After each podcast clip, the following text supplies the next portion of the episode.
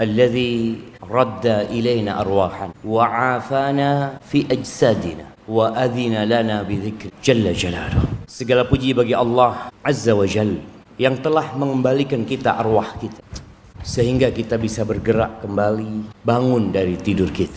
Dan Allah memberikan kesehatan kepada kita memberikan afiat sehingga kita bisa datang ke rumah Allah dan yang terpenting dari semua itu ada nikmat Allah yang mungkin sering kita tidak mensyukurinya.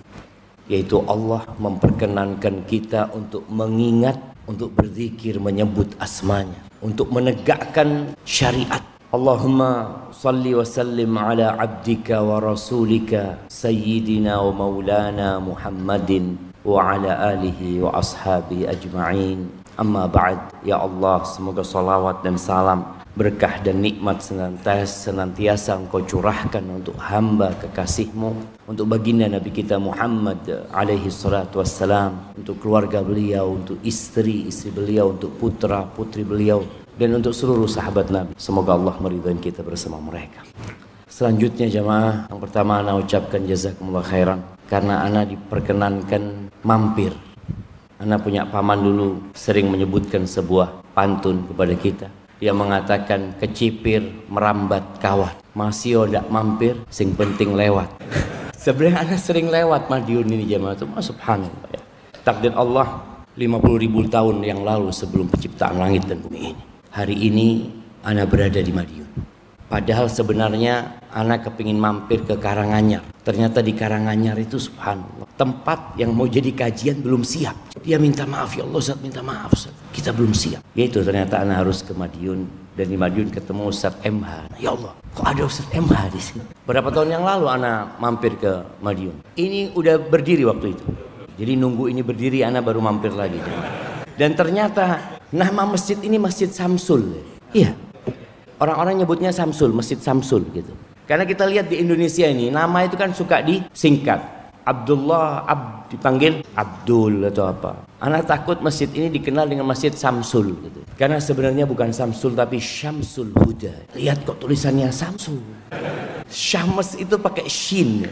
Syamsul Huda. Tapi nggak apa-apa bahasa Indonesia terserah yang penting antum nyebutnya Syamsul Huda. Ahibati fillah. Allah menciptakan manusia itu dalam wujud yang paling indah. Oleh karena itu Allah murka kalau ada yang merubah-rubah ciptaan. Apa yang seharusnya kita rubah di diri kita? Kalau antum mau merubah sifat, karakter kita. Karena ternyata di diri manusia ini dengan kesempurnaan fisik ada beberapa karakter buruk yang harus diperbaiki. Sifat negatif yang kita kalau tidak menyadari hal itu, maka kita akan ujub. Allah menyebutkan di dalam Al-Quran bahwasanya manusia itu adalah makhluk yang sangat zalim dan sangat bodoh. Antum merasa nggak? Allah mengatakan innahu kana zaluman jahula. Ketika Allah bercerita tentang amanah yang Allah berikan, Allah mengatakan inna aradna al-amanata 'ala samawati wal ardi wal jibal fa'abaina an yahmilnaha wa ashfaqna minha wa hamalaha insan amanah untuk menegakkan agama Allah ini itu ditawarkan kepada langit, bumi, gunung-gunung yang kokoh seperti itu. Semuanya ketakut, semuanya menolak hal itu, takut mereka tidak dapat menunaikan amanah tersebut. Wahamalahal insan. Siapa yang kemudian mengemban amanah itu? Manusia. Innahu kana zaluman jahula. Sesungguhnya dia adalah makhluk yang benar-benar sangat dolim dan sangat bodoh. Oleh karena itu Allah senantiasa mengingatkan manusia. Dielingno. Karena manusia yang bodoh dan dolim ini sering lupa dengan kondisi dia. Dia sering menyalahkan orang lain dan dia suka melihat aib dan kekurangan orang lain. Padahal sejatinya yang dia lihat di diri orang lain itu ada di diri dia. Bodoh-bodoh menungso. Sama. Allah memperingatkan manusia dan Allah memberikan ilmu kepada manusia agar dia naik menjadi orang yang alim, yang mengerti, menjadi orang yang adil dan tidak melakukan kezaliman. Allah utus para rasul kepada umat manusia. Bagaimana Allah mengutus Nabi Nuh untuk mengangkat manusia dari kebodohan, menyelamatkan mereka dari kezaliman. Berapa tahun Nabi Nuh? 950 tahun. Apa kata Allah? Wa ma amana ma'ahu illa qalil. Selama 950 tahun itu yang beriman yang pindah dari kezaliman dan kebodohan mereka itu qalil, sedikit jamaah. Disebutkan dalam beberapa tafsir riwayat Ibnu Abbas hanya 80 orang. Bayangin jamaah. Setahun dapat berapa orang? Belum tentu dalam setahun nambah pengikut Nabi Nuh satu orang. 950 tahun dikali 80 berapa jadi? Coba, jangan ngeluarkan handphone nanti. Wallah jemaah. Itu manusia. Bagaimana Nabi Musa alaihissalam, Nabi Ibrahim, Nabi Ibrahim alaihissalam ya. Allah utus mengajak umat manusia agar tidak jadi makhluk yang bodoh dan zalim. Sebagian di antara mereka mempertuhankan mentari, mempertuhankan ketika mereka melihat berhala-berhala itu hancur berkeping-keping. Mereka bertanya, siapa yang hancur? Yang berbuat ini kepada sesembahan-sesembahan kita. Man fa'ala hadza bi alihatina.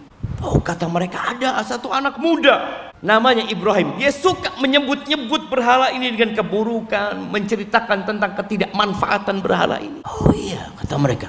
Panggil. Didatangkan Nabi Ibrahim di hadapan raja mereka, masyarakat yang merasa dizolimi, Ditanya, "Anta fa'alta hadza bi alihatina ya Ibrahim?" Ibrahim, engkau yang berbuat ini terhadap Tuhan-Tuhan kami. Tuhan. Kata Nabi Ibrahim, "Bal fa'alahu kabiruhum hadza." Fas'aluhu min kanu yantiq. Kata Nabi Ibrahim, bukan yang menghancurkan berhala-berhala ini yang paling besar itu, yang paling besar. Tanyakan kepada Tuhan-Tuhan yang hancur ini kata kalian, yang dianggap Tuhan sama kalian. Tanyakan kepada mereka, kalau mereka bisa ngomong. Kata mereka, ya apa Ibrahim? Mosok kau takon bi patung-patung. Mereka mulai akalnya muncul ya. Lakon alim tamaha ulai yantiqun. Engkau kan tahu mereka nggak bisa ngomong. Oh, ini kata Ibrahim. Kok bisa yang nggak bisa berbicara, yang tidak bisa memberikan manfaat, menolak mudor, kok bisa kalian sembah? Mulai akal mereka muncul. Tapi ternyata tetap tidak faham. Kata dia nggak bisa Ibrahim. Bakar Ibrahim. Tolong Tuhan-Tuhan kalian. Dibakar Nabi Ibrahim. Keluar Nabi Ibrahim dari api dengan selamat. Apakah mereka jadi mengerti? Jadi beriman? Innahu kana zaluman jauh. Manusia itu benar-benar makhluk yang zalim. Zalim itu meletakkan sesuatu tidak pada tempatnya. Gimana patung disembah? Siapa yang membuat patung itu? Mereka sendiri. Dengan tangan mereka. Yang patung itu tidak bisa bergerak, tidak berbuat apa-apa. Tapi mereka semua. Bodoh mereka dikasih tahu, dikasih pengertian nggak mau ngerti. Oleh karena itu dalam agama kita, talabul ilmi faridatun ala kulli. Menuntut ilmu itu adalah kewajiban. Bagi siapa? Bagi setiap muslim. Agar engkau nggak jadi orang bodoh. Ahibati fillah, Allah juga menyebutkan tentang manusia itu bahwa dia adalah makhluk yang suka berkeluh kesah. Innal insana khuliqa lu suka berkeluh kesah. Merasa hidupnya susah terus. Kau dapat nikmat jadi orang yang bakhil. Coba kita lihat jemaah. Jangan orang lain kita. Kalau dapat musibah, sak koncoan rogap. Oh fulan sakit. Fulan kehilangan motornya. Fulan handphonenya hilang. Fulan sandalnya di masjid Syamsul Huda hilang. Satu masjid tahu. Tapi dapat nikmat. Tak cerita sama orang. Dapat rezeki fulus umpamanya. Takut diutangi. Manusia itu baik. Padahal dia dapat nikmat. Itu manusia. Maka bagaimana cara menghilangkan karakter-karakter yang buruk itu? Itu dikasih cara. Illal musallin ya bagi kecuali orang-orang yang sholat. Insya Allah perlahan-lahan sifat buruk itu akan hilang dan manusia ini makhluk yang tidak pandai bersyukur. Iblis ketika diusir dari surga, diturunkan ke muka bumi ini, dia bersumpah akan menggodai manusia, menggodai Nabi Adam dan anak keturunan. Kemudian iblis mengeluarkan pernyataan. Dia sangat optimis bahwasanya usaha dia akan berhasil. Menyesatkan manusia.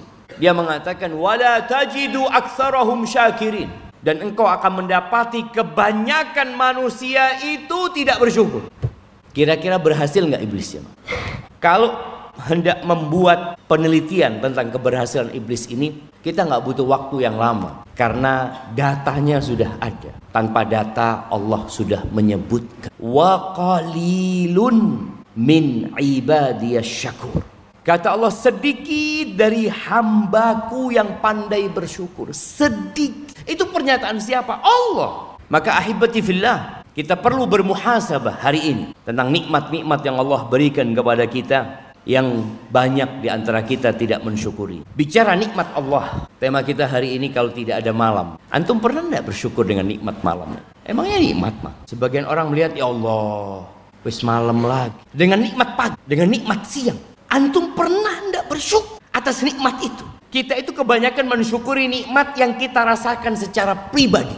Padahal kalau kita lihat semua yang dirasakan oleh manusia itu nikmat dari Allah Azza wa Jalla. Nikmat itu ada yang sifatnya dirasakan oleh semua penduduk bumi ini. Merasakan nikmat itu nikmat umum jemaah. Sampai semut pun merasakan. Sampai pohon-pohon di depan rumah kita. Sampai tumbuhan yang ditanam oleh petani merasakan nikmat tersebut. Tapi nikmat itu sebagian kita tidak memandangnya nikmat. Dipandang hanya rutinitas. Malam, siang, siang, malam. Kira-kira bagaimana kalau tidak ada malam? Separuh bumi ini siang, separuh bumi ini malam. Mungkin yang kena panas akan pindah ke tempat yang gelap. Yang gelap akan pindah ke tempat yang terang. Tapi Allah jadikan itu berputar tiap hari tanpa ada usaha dari manusia. Ada nikmat yang dirasakan oleh satu kelompok tertentu, satu keluarga mereka dapat nikmat. Ada nikmat yang secara perorangan kita hidup berenang di dalam nikmat tersebut. Allah Azza wa Jalla mengatakan wama bikum min ni'matin faminallah. Di surat An-Nahl ayat 53 Allah mengatakan tidak ada satupun nikmat yang ada pada diri kalian kecuali itu dari Allah. Antum bisa duduk itu nikmat enggak? Tapi karena kita beranggapan itu rutinitas, ya biasa. Antum keluar dari masjid bisa melangkah dari anak tangga ke bawah itu. Itu nikmat jemaah. Ada orang yang nggak mampu duduk di bawah, nggak mampu berjalan, tidak mampu. Dia harus didorong. Itu secara personal nikmat yang dirasakan oleh tiap orang. Kita sudah rasakan nikmat-nikmat itu. Kita bisa mendengar. Antum kapan mensyukuri nikmat pendengaran antum? Ketika antum ketemu sama orang yang bisu, baru antum. Ya Allah. Akal yang ada pada diri antum. Kapan antum mensyukuri? Iso mikir. Ya Ketika antum melihat orang gila, antum lihat ya Allah. Kalau Allah nggak berikan akal kepada kita, kita seperti ini. Sebagian kita merasa, Ustaz, anak banyak permohonan Ustaz yang sampai saat ini belum dikabulkan sama Allah Azza wa Jalla. Allah itu kasih sama antum sebelum antum memohon. Antum pernah memohon mata. Allah kasih mata sama antum. Antum pernah memohon gigi sama Allah Azza wa Jalla. Allah berikan kepada antum gigi. Dan Allah bikin gigi itu tidak seperti kuku yang tumbuh setiap hari. Gimana kalau gigi antum tumbuh kayak kuku? Antum pernah minta, ya Allah jangan sampai gigi anak kayak kuku ya Allah. Tiap hari antum minta tolong istri antum, antum mangap istrinya motong gigi. Tapi kita kan tidak merasakan itu nikmatnya. Allah Azza wa Jalla mengatakan wa atakum min kulli ma sa'altum. Dan Allah memberikan kepada kalian dari apa saja yang kalian minta. Allah itu janji dan Allah tidak pernah ingkar janji. Ud'uni astajib. Kalian minta sama aku, pasti aku kabulkan. Kalau kita ngomong insya Allah, Allah mengatakan pasti aku kabul. Asalkan syarat dan ketentuan terpenuhi. Dan dikabulkannya permintaan kita itu Allah kasih satu dari tiga. Minta anak dikasih anak. Minta anak sampai mati nggak dikasih anak. Loh, terus bagaimana Ustaz? Tuh fulan Ustaz. Sampai mati nggak? Katanya Allah akan ngabulkan doa. Iya, yang kedua. Allah selamatkan dia dari musibah dari petaka yang setara dengan doa. Antum kan nggak tahu ketika antum di lampu merah, tahu-tahu ada truk yang belum rim ditabrak orang-orang itu jamaah. Antum selamat ya Allah. Pernahkah antum meminta berdoa agar diselamatkan dari tabrakan truk itu? Enggak. Boleh jadi itu dari doa-doa antum. Yang antum minta sesuatu, ternyata Allah sudah kabulkan, tapi antum nggak tahu. Sekali lagi manusia itu volim, bodoh. Banyak sekali jemaah. Boleh jadi antum seharusnya kemarin kena covid, tapi antum nggak kena covid. Iya Ustaz, anak minum empon-empon, minum ini, macam-macam. Allah menyelamatkan Maka setiap doa yang kita panjatkan, ada perhitungannya semua. Kalau ternyata yang pertama, kedua Allah tidak berikan, Allah akan berikan di akhir. Dan itu lebih baik daripada doa yang antum minta dikabulkan di dunia.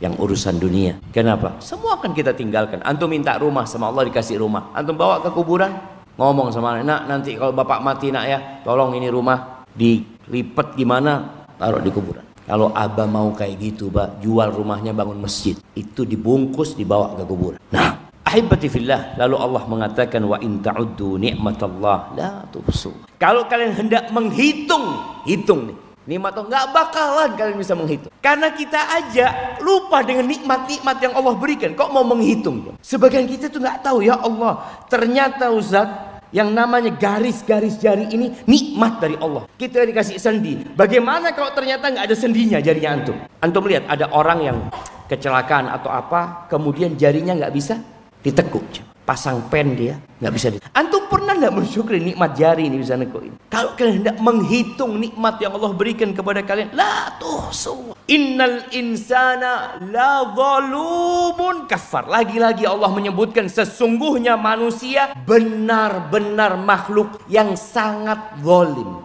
Inna itu untuk penekanan dalam bahasa. La untuk tambahan penekanan. Sesungguhnya insan jadi kalau bicara hak-hak manusia ya, kemanusiaan, manusia itu asalnya tanpa bimbingan wahyu dan tanpa kitab-kitab yang Allah turunkan seperti ini jadi. Sesungguhnya dia sangat dolim dan sangat kufur. Itu kita. Maka kita diperintahkan untuk mengingat nikmat-nikmat yang Allah berikan. Di dalam Al-Quran yang kita kemarin Ramadan sibuk menghatamkan Al-Quran dan di bulan Syawal mulai kita kurang peduli sama. Sunnahnya menghatamkan Al-Quran itu berapa hari sekali jemaah? Berapa hari sekali?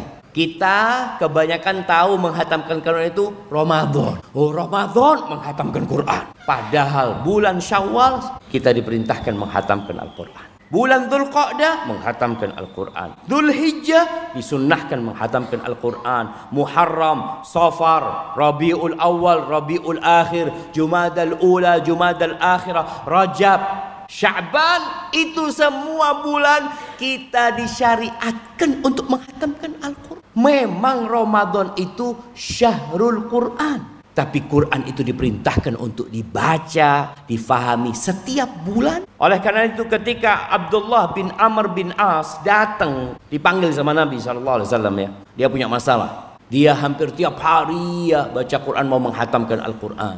Lalu Nabi SAW mengatakan ikhtim fi kulli syahr.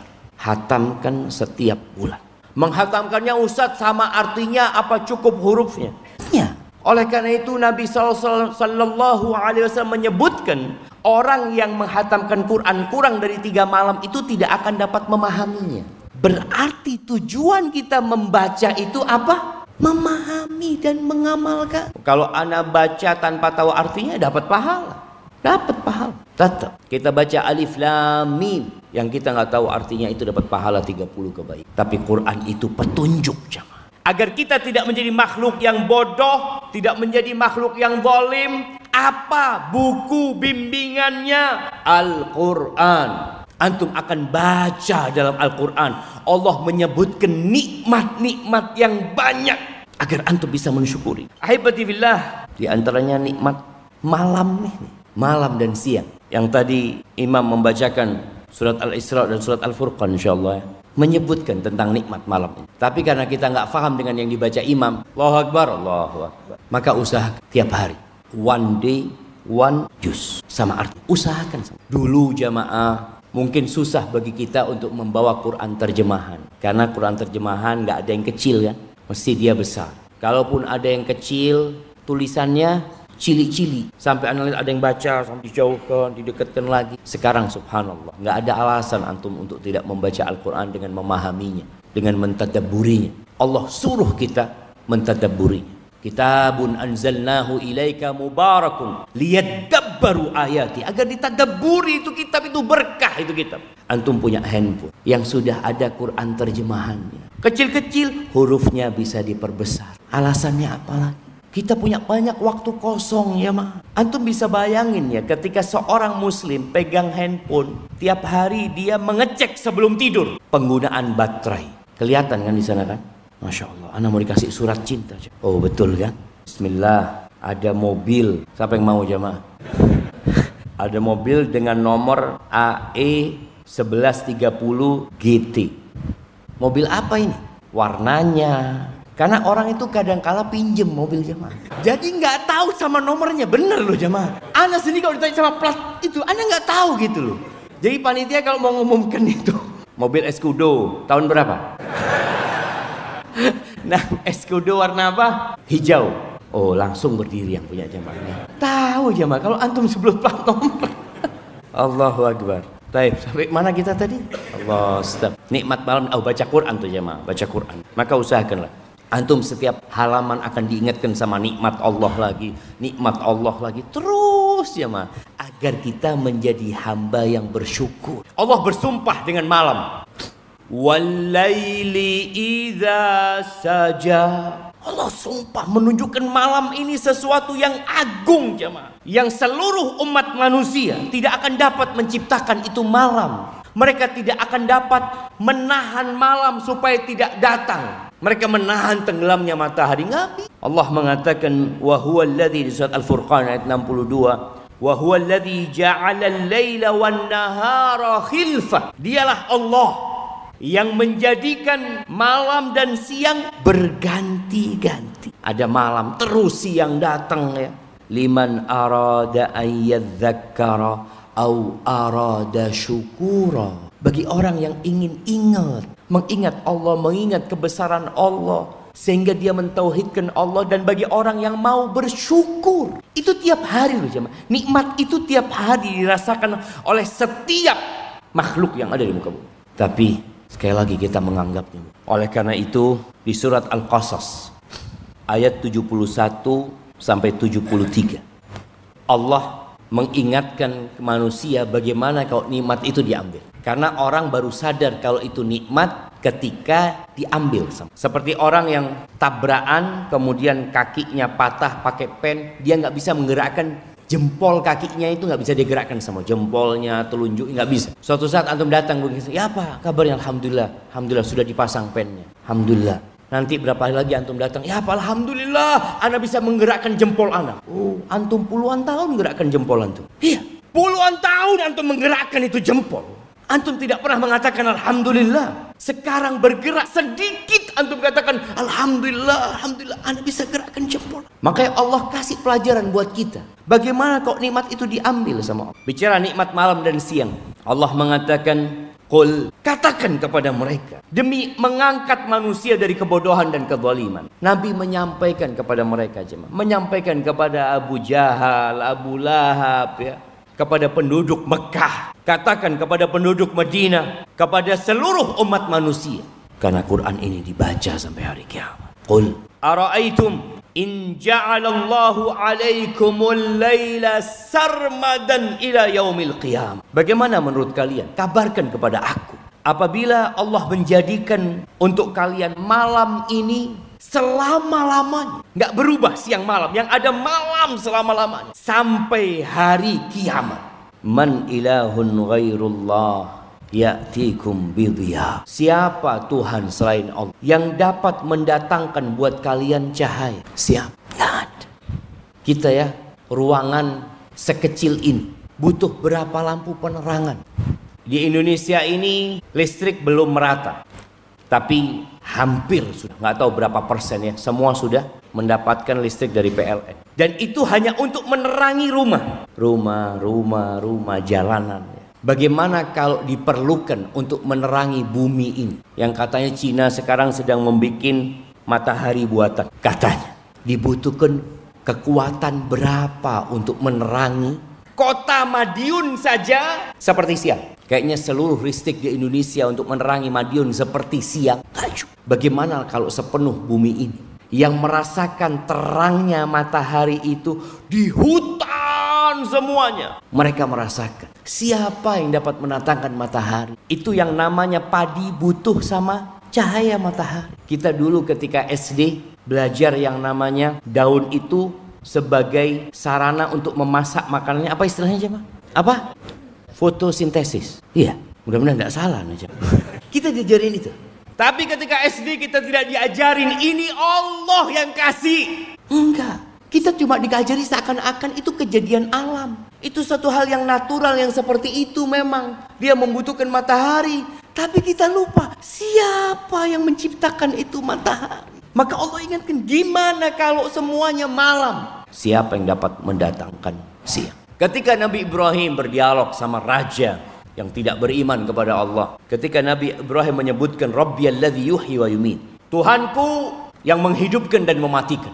Raja itu mengatakan, "Oh, kalau cuma menghidupkan dan mematikan, aku juga melakukan itu." Ya, dalam bayangan manusia, maksudnya dia itu ada dua orang yang difonis mati, yang satu aku bunuh, yang satu aku biarkan hidup. Aku kan menghidupkan dan mematikan. Innahu kana zaluman jahula. Ini bodoh banget orang. Tapi Nabi Ibrahim nggak mau tenggelam dalam kebodohan itu. Nabi Ibrahim mengatakan fa innallaha ya'ti bisyams. Syams minal masyriq. Minal masyriq. Fa'ti biha minal maghrib. Oh, engkau merasa Tuhan. Sesungguhnya Allah menerbitkan matahari di timur. Engkau terbitkan di barat. Sopo sing iso jamaah. Fabuhital ladzi kafar. Apakah dia beriman? Enggak, jamaah. Itulah manusia benar-benar bodoh dan zalim. Dikasih penjelasan, dikasih pencerahan. Maka Allah ingatkan di sini, siapa yang dapat mendatangkan cahaya? Allah katakan, afala tasma'un. Dengar enggak kalian? Itu nikmat pendengaran, ingat. Kalian bisa dengar. Yang disampaikan kepada kalian, kalian dengar. Kalian bisa memahami enggak? Siapa? Tapi Allah, Allah bercerita tentang siang. Dari malam kita sebentar lagi akan menuju ke siang. Dan antum lihat ya jamaah subhanallah. Ya. Siang itu nggak langsung. Kita kalau ngidupin lampu itu biasanya kan langsung terang semuanya. Perlahan-lahan Allah munculkan matahari itu. Itu nikmat lagi, nggak langsung panas, nggak tahu-tahu. Ya apa antum nggak tahu-tahu bangun? Oh, us terang apa ini? Anda. Allah ingatkan. Qul ara'aytum in ja'alallahu 'alaikumun nahara sarmadan ila yaumil qiyamah. Bagaimana menurut kalian? Kabarkan kepada aku apabila Allah menjadikan buat kalian siang selama-lamanya sampai kiamat. Terbakar semuanya. Apa akan ada kehidupan ketika siang? Allah katakan siapa? Man ya ilahun ghairullah ya'tikum bilailin taskununa fi. Siapa Tuhan selain Allah yang dapat mendatangkan malam? Antum bisa bayangin kalau tidak ada malam. Sekarang aja ada malam orang kerja 24 jam. Pakai shift 8 jam kerja, 8 jam kerja, 8 kerja. Siapa yang dapat mendatangkan malam? Buat apa malam itu? Allah sebutkan taskununa fi yang engkau bisa istirahat, yang engkau bisa merasakan kedamaian. Antum dapat lihat ya, ketika matahari tenggelam, pergerakan manusia itu berkurang. Pergerakan makhluk-makhluk Allah yang lainnya juga mulai berkurang. Burung yang mulai biasanya berkicau di pagi hari malam itu nggak ada suara apa aja. Semuanya pergi ke tempat mau apa? Mau istirahat. Dan Allah jadikan malam itu memang tempat istirahat. Al-laila libasa. Pakaian buat kalian. Seperti menyelimuti gitu jemaah. Orang kalau sudah mau selimutannya, ya Allah enaknya. Yang tidur siang. Antum melihat kebanyakan orang di rumahnya itu mesti punya horden yang tebel sama yang tipis. Dia kalau mau tidur itu kalau bisa nggak ada cahaya. Makanya kalau di pesawat itu ada dikasih apa biasanya? Yang buat nutup mata? Ada penutup mata. Supaya orang sebagian orang tuh tidur dengan menutup tangannya ke mata. Dia butuh kegelapan itu. Dan Allah beri semua jemaah makhluk itu membutuhkan malam dan siang. Siapa pertanyaannya yang dapat mendatangkan malam sehingga kalian bisa merasa damai dan tenang di dalam. Allah katakan afala tubsiru. Ngelihat enggak?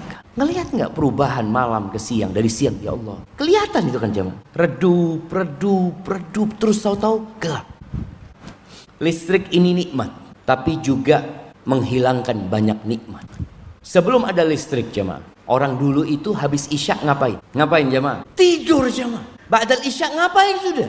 Listrik tidak ada. Ketika tidak ada listrik, tidak akan ada televisi. Tidak akan ada handphone. Tidak ada listrik umpamanya.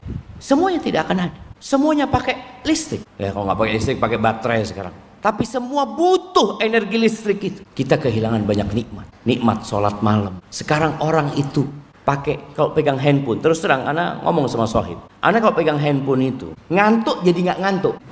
Betul nggak?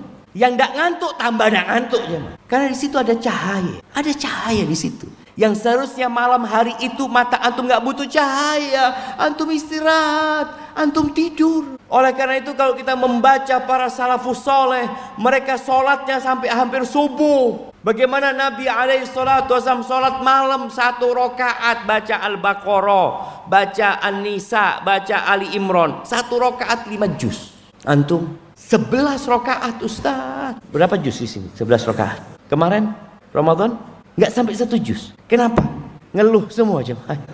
Itu jemaah. Apa penyebabnya listrik ini? Allah sebutkan malam itu taskununa fi seharusnya selesai malam itu sudah kegiatan. Mall-mall tutup. Kita usulkan ke Madiun.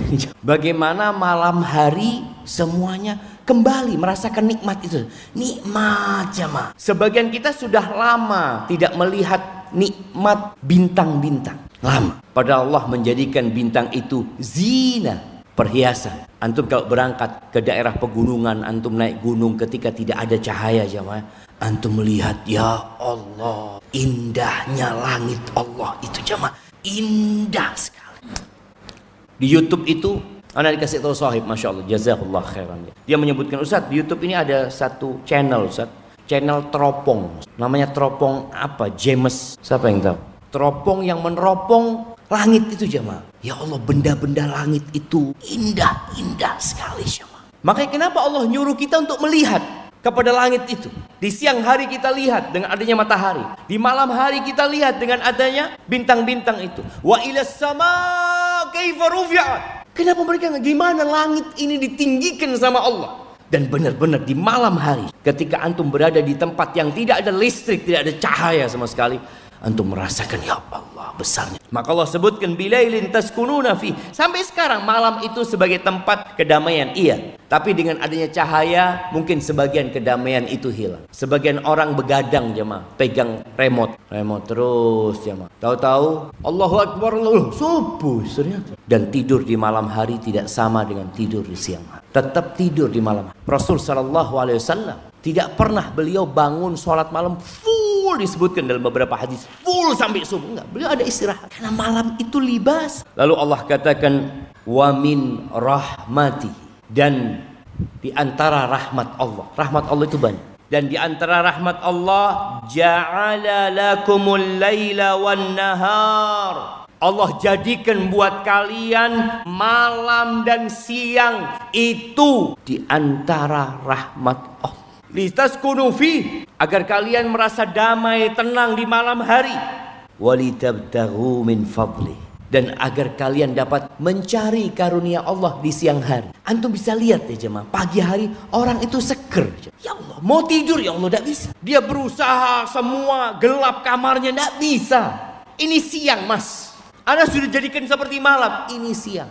Yang ada dia hanya akan bergolek di atas ranjang kanan kiri kanan kiri. Tapi di malam hari tinggal naruh kepala jemaah di bantal tadi malam anak tidur di hotel ada satu kawan yang masuk Ustad Ustad Daono Ustad itu Anak dengar suaranya dia Ustad Ustad tidak wis. Ya sudah sudah kelengar. Allah katakan malam itu untuk sakinah itu di antara rahmat Allah dan siang hari untuk mencari rizki. Apa kata Allah? Wala'allakum tashkurun agar kalian bersyukur kepada Allah Azza wa Jalla agar kalian bersyukur. Nikmat Allah itu banyak sekali jamaah. Kalau kita bicara nikmat dunia, nikmat agama yang Allah berikan, syariat yang Allah berikan kepada kita.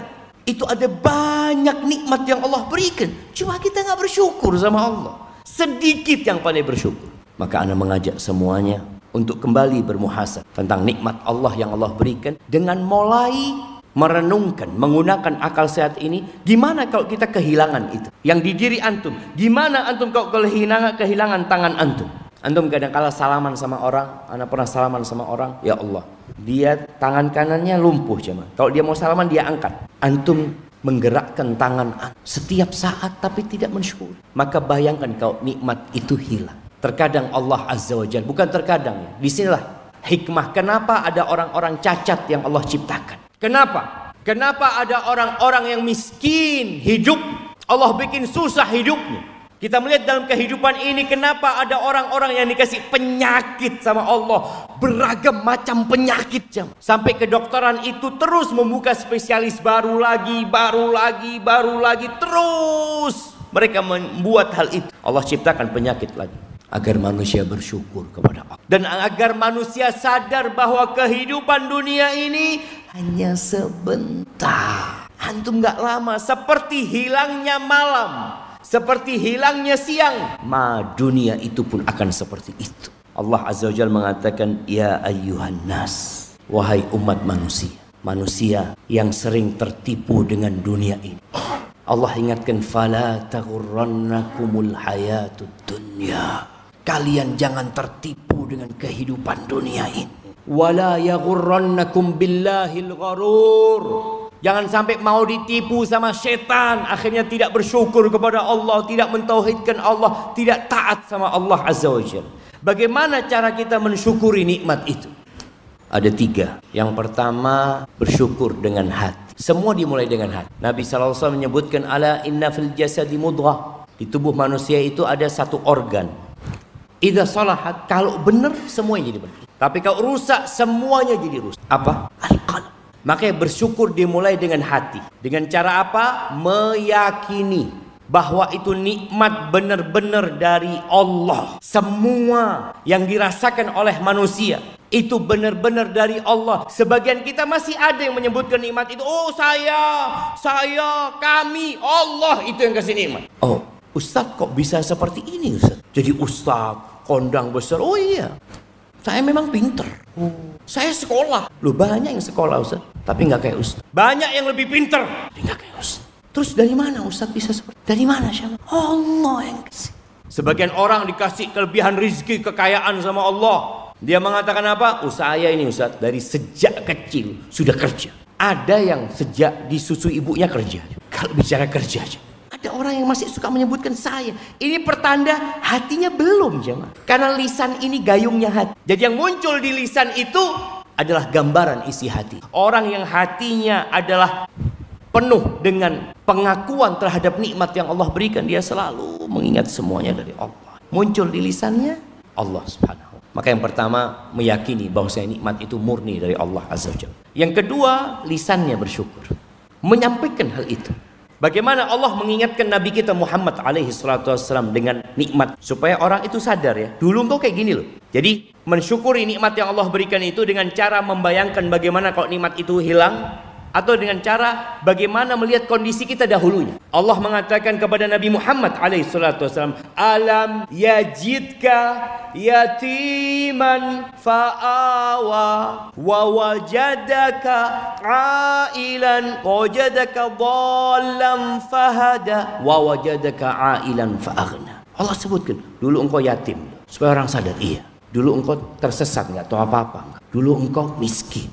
Dulu engkau susah dulu kita perlu sama diingatkan dulu antum seperti apa? Sebagian kita sekarang sukses kadang-kadang lupa dengan bagaimana dia dulunya. Kok bisa antum sukses? Allah. Lalu di akhir surat wadduha apa kata Allah? Wa amma bi ni'mati rabbika fahad.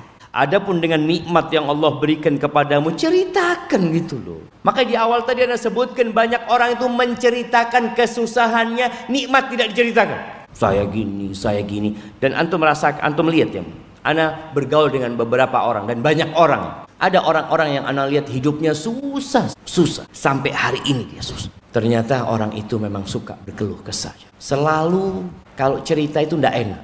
Ana gini, anakku kayak gini, suamiku kayak gini. Nih ibu-ibu juga ada perempuan jamaah yang suka menceritakan keburukan suaminya. Seakan-akan suaminya nggak punya kebaikan. Itu tanda-tanda kurang bersyukur. Dan wanita ini punya tabiat ke sana. Maka lebih harus mengingat nikmat suami. Ini bicara nikmat. Ceritakan nikmat itu. Kalau mau cerita sama orang, Alhamdulillah suami anak baik. Sampai ada cerita seorang perempuan yang enam tahun diganyang sama suaminya. Volim suaminya. Tapi ini perempuan sabar. Dia selalu memandang kepada kebaikan suaminya. Terus Ketika ditanya sama orang gimana suamimu? Biasanya kan ada kan perempuan untuk kumpul-kumpul ngobrolin tentang pasangan hidup mereka. Istrinya ini selalu mengatakan alhamdulillah baik. Ditanya sama orang tuanya baik suami. Maksudnya baik dibandingkan orang lain yang lebih parah dari dia. Ah, baik. Iya artinya dia. Setelah enam tahun dia bersabar dan bersyukur sama Allah. Dia cerita ini setelah 13 tahun. Dia mengatakan zauji kal khatam. Suamiku sekarang seperti cincin di tanganku. Aku mau lepas, aku mau pasang, aku mau puter, aku mau ganti ke cincin lainnya. Suaminya jadi suami yang baik. Itu karena dia bersabar dan bersyukur. Maka ingat dengan hati dengan lisan menyebut nama Allah. Antum sering-sering baca subhanallah walhamdulillah wala ilaha illallah Allah akbar. Atau antum duduk mengatakan alhamdulillah alhamdulillah alhamdulillah alhamdulillah. Bukan hanya selesai sholat ya ma kemudian yang terakhir syukur dengan raga kita. Kalau tadi di ayat tentang malam dan siang di awal Allah katakan afala tasma'un. Nggak dengar kalian kupingnya itu dipakai untuk kebaikan Afala tubsirun matanya itu dipakai untuk melihat yang baik-baik. Maka gunakan nikmat yang Allah berikan kepada kita dalam kebaikan dan ketaatan. Itu mungkin dapat Anda sampaikan pada kesempatan kali ini jamaah. Alhamdulillah ada Ustadz MH Ayatullah untuk pertanyaan nanti ditanyakan kepada beliau insyaallah karena Ana harus harus melanjutkan perjalanan. Karena anak cuma mampir. Hadza wallahu alam sahab subhanakallahumma wa bihamdika. Asyhadu an la ilaha illa anta astaghfiruka wa atubu ilaik. Assalamualaikum warahmatullahi